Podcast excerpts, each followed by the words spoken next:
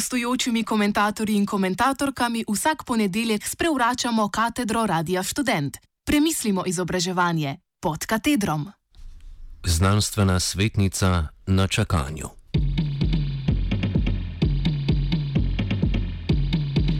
Današnji komentar prihaja strani raziskovalke, znanstvene svetnice in sindikalne zaupnice na Fakulteti za elektrotehniko pri, pri Visokošolskem sindikatu Slovenije Urše Opara Krašovec, ki komentira svojo nedavno napotitev na čakanje v okviru zaposlitve na Fakulteti za elektrotehniko.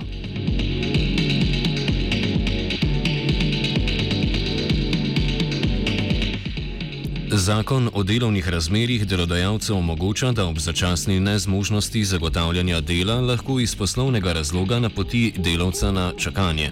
Ta ukrep je uporabil tudi dekan Fakultete za elektrotehniko Univerze v Ljubljani ter me 10. junija napotil na tako imenovano čakanje. Razlog je bil zgolj finančne narave. Odkar, prvič, odkar sem zaposlena na FE oziroma na, na Fakulteti za elektrotehniko, torej od leta 2003, mi je namreč zmanjkalo sredstev za svojo plačo in plačo sodelavke, prav tako doktorice kemije. Projekti so se iztekli, na kar nekaj razpisih pa s kolegico nisva bili uspešni. Žal sva z dvema projektoma ponovno izpadli tudi na zadnjem razpisu ARRS. Na ARRS oziroma Javni agenciji za raziskovalno dejavnost so mi že dolgo vrata zaprta. Iz stabilnega programskega financiranja pa je bilo leta 2015 izločeno področje raziskav, ki sem jih vodila. Kronologija dogodkov pokaže, da je izključitev posledica mojega nasprotovanja nedopustnim praksam šefa, ki je od vseh podrejenih zahteval vodilno avtorstvo pri vseh objavah. Ker sem si uspela izpogajati dogovor, da na področju, ki ga vodim, to ne velja, to področje njemu osebno ni prinašalo koristi.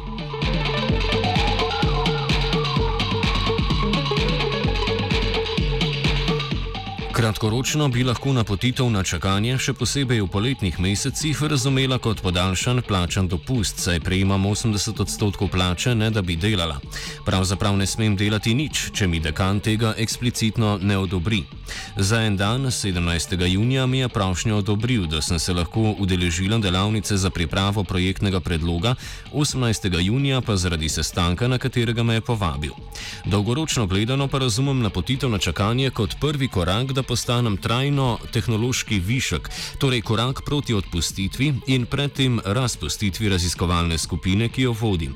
Osrednje sporočilo moje napotitve je, da na fakulteti nisem zaželena, torej to razumem kot signal vodstva in baronov v ozadju, naj odidem. Za me osebno je ta napotitev ponovitev dogodkov iz obdobja 2014-2015, ko je vodja programske skupine iz stabilnega financiranja izločil celotno področje raziskav, ki sem jih vodila, čeprav smo dosegali odlične znanstvene rezultate. Leta 2015 sem se obdržala zgolj zato, ker je bilo tudi v interesu fakultete, da zaključim izvajanje evropskega projekta v vrednosti pol milijona evrov.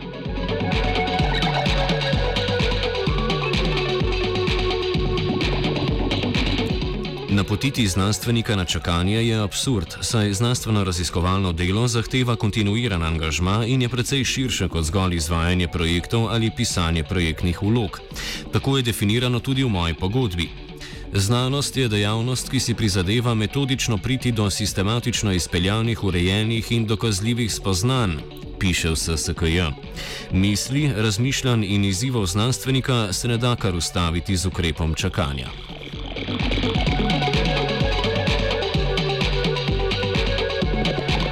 Izzivov na raziskovalnem področju, na katerem delujem že vrsto let, to je razvoj novih, do okolja prijaznih in učinkovitih materijalov za prvič pridobivanje ali hranjenje energije sonca v obliki sončnih celic in baterij, in drugič za pametna okna v stavbah, ki omogočajo znižanje energijskih stroškov stavbe, ni manjkalo.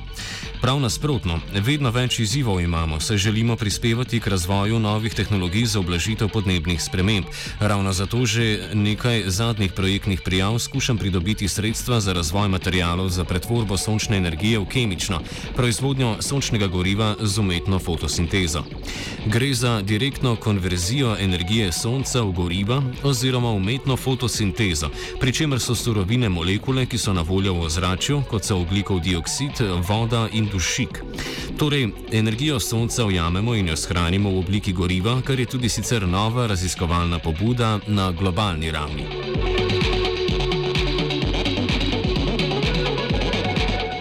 Glede stanja duha na fakulteti pa si upam trditi, da se fantje uspešnih znanstvenic, ki se upirajo avtoritativni oblasti šefov in kritiko, tudi javno izrečejo. Pravzaprav bojijo. Nisem prva in verjetno niti zadnja znanstvenica, ki se temu feudalnemu sistemu upira. Energije mi ni zmanjkalo, nasprotno, sprememba sistema izkoriščanja na sistemski ravni je moj nov izziv.